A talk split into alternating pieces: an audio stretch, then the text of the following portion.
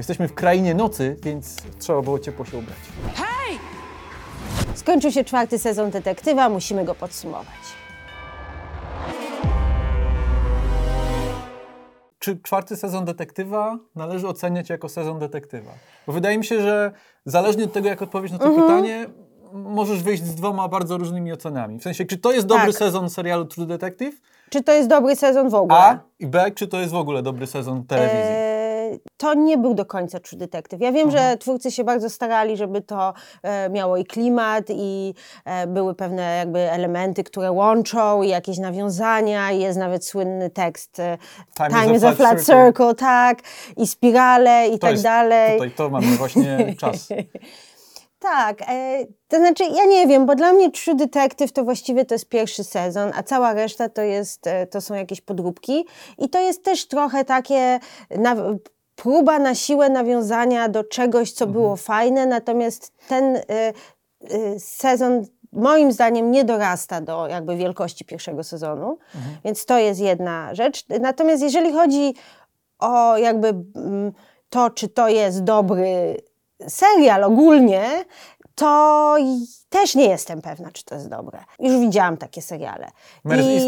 Easttown chociażby, ale, ale też jakieś właśnie te, z takim klimatem skandynawskiego, czy jakiegoś takiego brytyjskiego crime drama, małe Mhm. miasteczko, pani detektyw, jedna, druga, dramaty rodzinne, The prawda, Killing. The Killing. For no, Bydrelsen. tak, wiem, gdy- jak tam całe mnóstwo jest wymowa, ale- takich, Broadchurch, całe mnóstwo jest takich e, seriali, które są lepsze niż to. Mhm. Natomiast y, tak próbowałam sobie myśleć, że nie chcę od razu już skakiwać i mówić, o to było beznadziejne, beznadziejne. Mhm. Moim zdaniem są dwie, dwie rzeczy, które mi się podobały i wydały mi się oryginalne w tym serialu, czyli przede wszystkim kreacja Judy Foster. Mhm. E, I w ogóle Ju- Judy Foster jakby jest świetną aktorką i, i tutaj Czy Judy. Foster można wziąć i włożyć Włożyć- gdziekolwiek i zawsze będzie dobra. I zawsze będzie dobra, ale ta, ta, ta postać też mi się podobała. E, Przekonałam się do niej.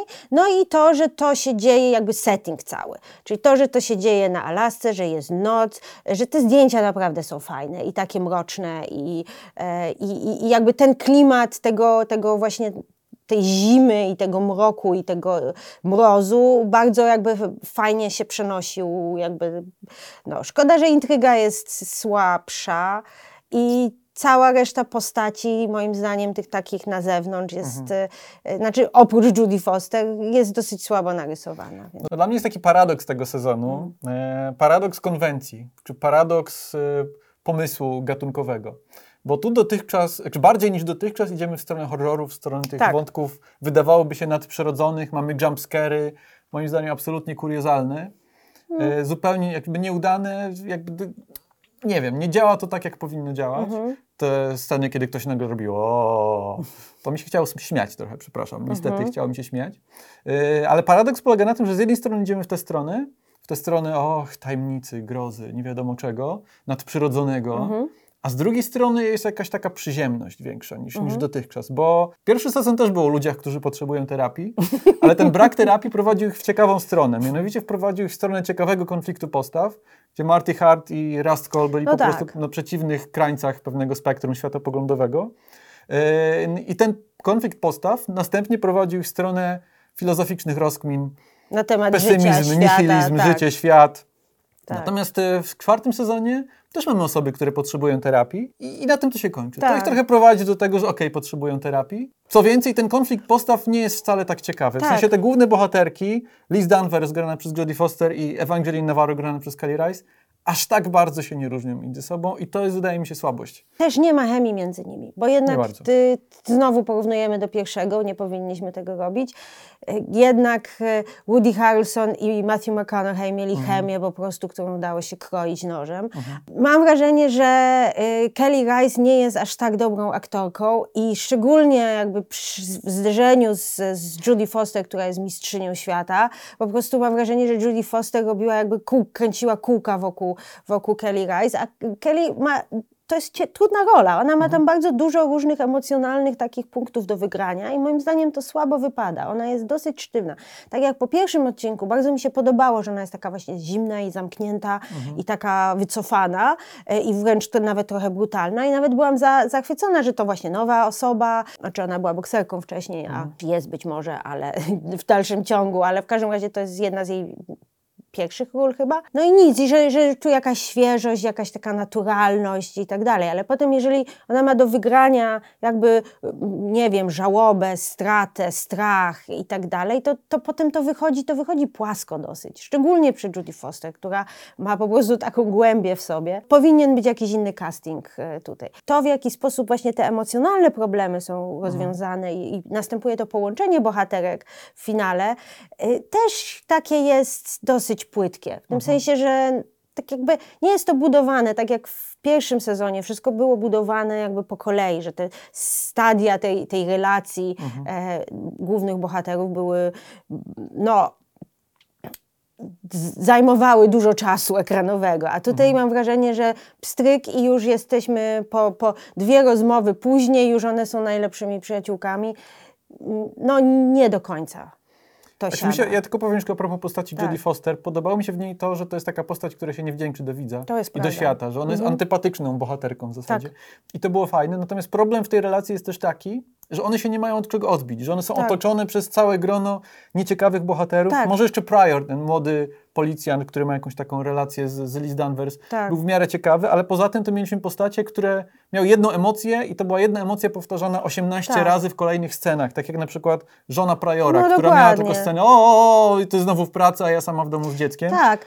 No, Albo, albo siostra Navarro, która miała depresję w każdej scenie, po czym Tak. umarła, koniec postaci. Jakby trudno się tym przejąć tak. po prostu. No, no też, też, też miałam wrażenie, że to są takie przesz przeszkadzajki te, te osoby. To znaczy, no już nie może być nic bardziej kliszowego niż żona policjanta, która jest niezadowolona, że on długo, długo pracuje. To jest słaba e, praca scenarzystów tutaj. No to jeszcze był taki pomysł, że w przeciwieństwie do pierwszego sezonu, czy w przeciwieństwie do wszystkich pozostałych sezonów, które były takie bardzo, jesteśmy mężczyznami, mamy źle, tu mamy silnie ten aspekt kobiecy No, zarysowany, bardzo, tak. plus aspekt y, tej społeczności rdzennej, ale też y, mam wrażenie, że to nie jest aż tak pogłębione, jak powinno być, że to jest takie bardzo, okej, mamy Excel i w tym Excelu mamy takie tabelki i okienka, że trzeba wypełnić, że kobiety okej i że rdzenni okej. Ja, ja czułam niedosyt, w tym sensie, że czułam, że to jest taki bardzo naskórkowy feminizm, w tym sensie, że wiadomo, kobiety mają ciężej na tym świecie i tak dalej, ale że, że to, to jest takie o źli mężczyźni, złe korporacja, koniec. Jakby opowiedzmy jakąś ciekawą historię, zróbmy z tych postaci kobiecych jakieś prawdziwe postacie, które mają naprawdę jakieś smutki, ale i radości, i, i, a nie tylko, też nie chcę spoilerować, jestem mamą i dziecko mi umarło, koniec, koniec mojego jakby developmentu jako kobiety. No. Tak, to jest wątek, który, to, Tak. są, to jest droga, która się kończy w momencie startu. Tak, no jakby jasne i ja uważam, że im więcej takich seriali, gdzie kobiety są głównymi bohaterkami, tym lepiej dla, dla mnie, bo lubię oglądać seriale o kobietach, E, ale, ale chciałabym czegoś więcej. Na tym etapie to nie wystarczy, że dasz pięć kobiet e, w głównych rolach. No jeszcze jest jeden grzech, taki Mhm. dość fundamentalny, już o nim trochę wspomniałaś, jeśli mówimy o serialu detektywistycznym, no to Mhm.